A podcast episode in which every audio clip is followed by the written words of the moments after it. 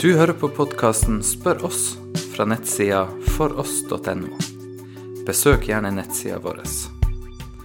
Vi oppdaterer ukentlig med artikler og andre ressurser som omhandler kristen tro.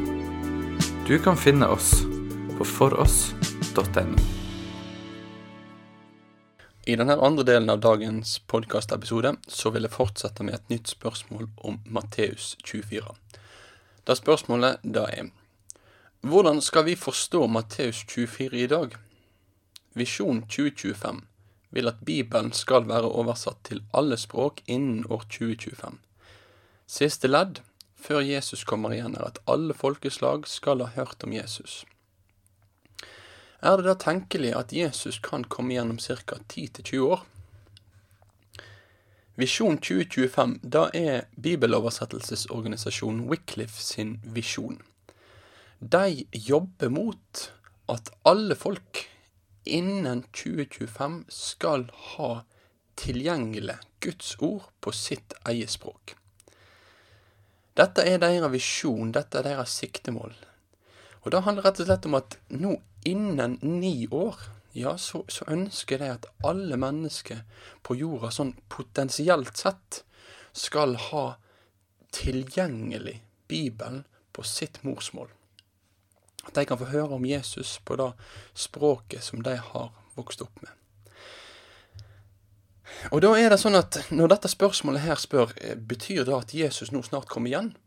Når det kan være sånn at snart har alle folkeslag en bibel på sitt språk, betyr det at Jesu gjenkomst den, den kan være 10 år, den kan være 20 år unna. Eh, grunnen til at dette spørsmålet kommer, det er nok det som står i Matteus 24, 14. For der så står det at dette evangeliet om riket skal forkynnes i hele verden til vitnemål for alle folkeslag, og så skal enden komme. Så evangeliet om Jesus, da skal nå ut til hele verden, og så skal punktum bli satt. Dette er ikke eneste plassen i Bibelen som, som snakker om at Guds frelsesvilje og da at budskapet om Jesus skal nå ut, at det er det som gjør at Jesus fortsatt ikke har kommet igjen. Leser vi i andre Peters brev, så kan vi lese om hvordan Peter og hans samtidig de, de møtte anklager om at eh, Gud han var ikke til å stole på, at Gud han hadde svikta, at Gud han, han holdt ikke sine løfter siden han fortsatt ikke hadde kommet igjen. Eh, men da svarer Peter at, at, grunnen til at Jesus ikke hadde kommet igjen, det var ikke at han var eh, sløv, eller at han hadde glemt menneskeslekta, men heller tvert imot så er grunnen til at Jesus drøyer, det er at han er tålmodig med mennesker, og han vil ikke at noen skal gå tapt, men at alle skal nå fram til omvendelse. Så det at vi lever i dag, det er til sjuende og sist et uttrykk for at Gud, han vil at enda flere mennesker skal bli kjent med Jesus Kristus som sin frelser. Og da er det sånn at Disse to tekstene her, ja, de, de peker faktisk i retning til det at dette her er det avgjørende. Dette her er det avgjørende at flere mennesker skal få høre om Han. Og grunnen til at Jesus fortsatt ikke har kommet igjen, det er ikke at Gud er sløv, men det er at Gud vil at enda flere skal bli frelst. Da blir spørsmålet kan vi nå da klare å rekne oss fram til sånn cirka når Jesus kommer igjen? Kan vi på grunnlag av at, at muligens så har alle folkeslag en tilgjengelig bibel om noen år, tidfeste Jesu gjenkomst? En sånn tanke mener jeg vi skal være veldig, veldig, veldig forsiktige med.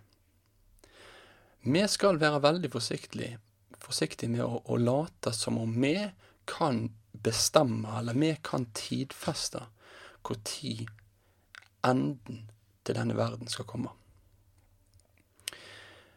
Faktisk så er det sånn at Jesus skriver litt om dette her seinere i kapittelet.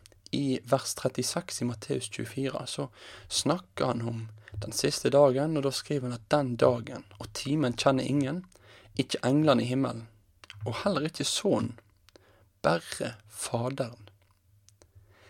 Det er en kunnskap som vi ikke har, og som vi mennesker aldri kan få.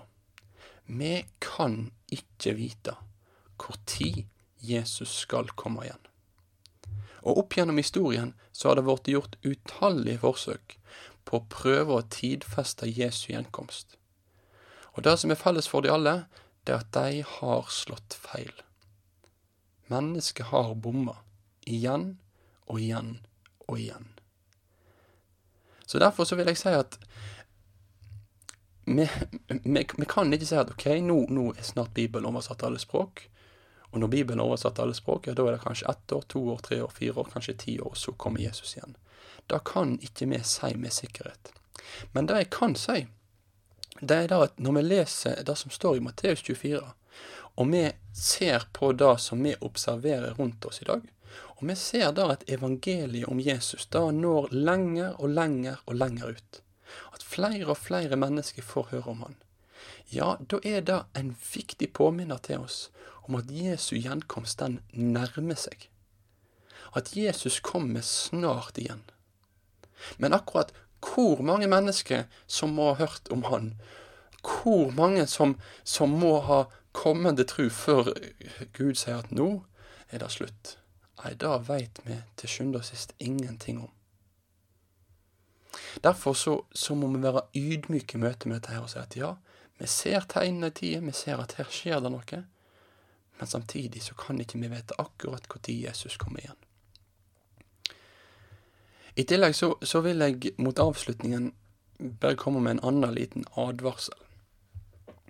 Og det er at eh, eh, når en skal tidfeste Jesu gjenkomst, og når en kan snakke om at ja, kanskje Jesus kommer igjen om 10 eller 20 eller 30 år, så kan òg det føre til en, en slags sløvhet blant de som kaller seg kristne.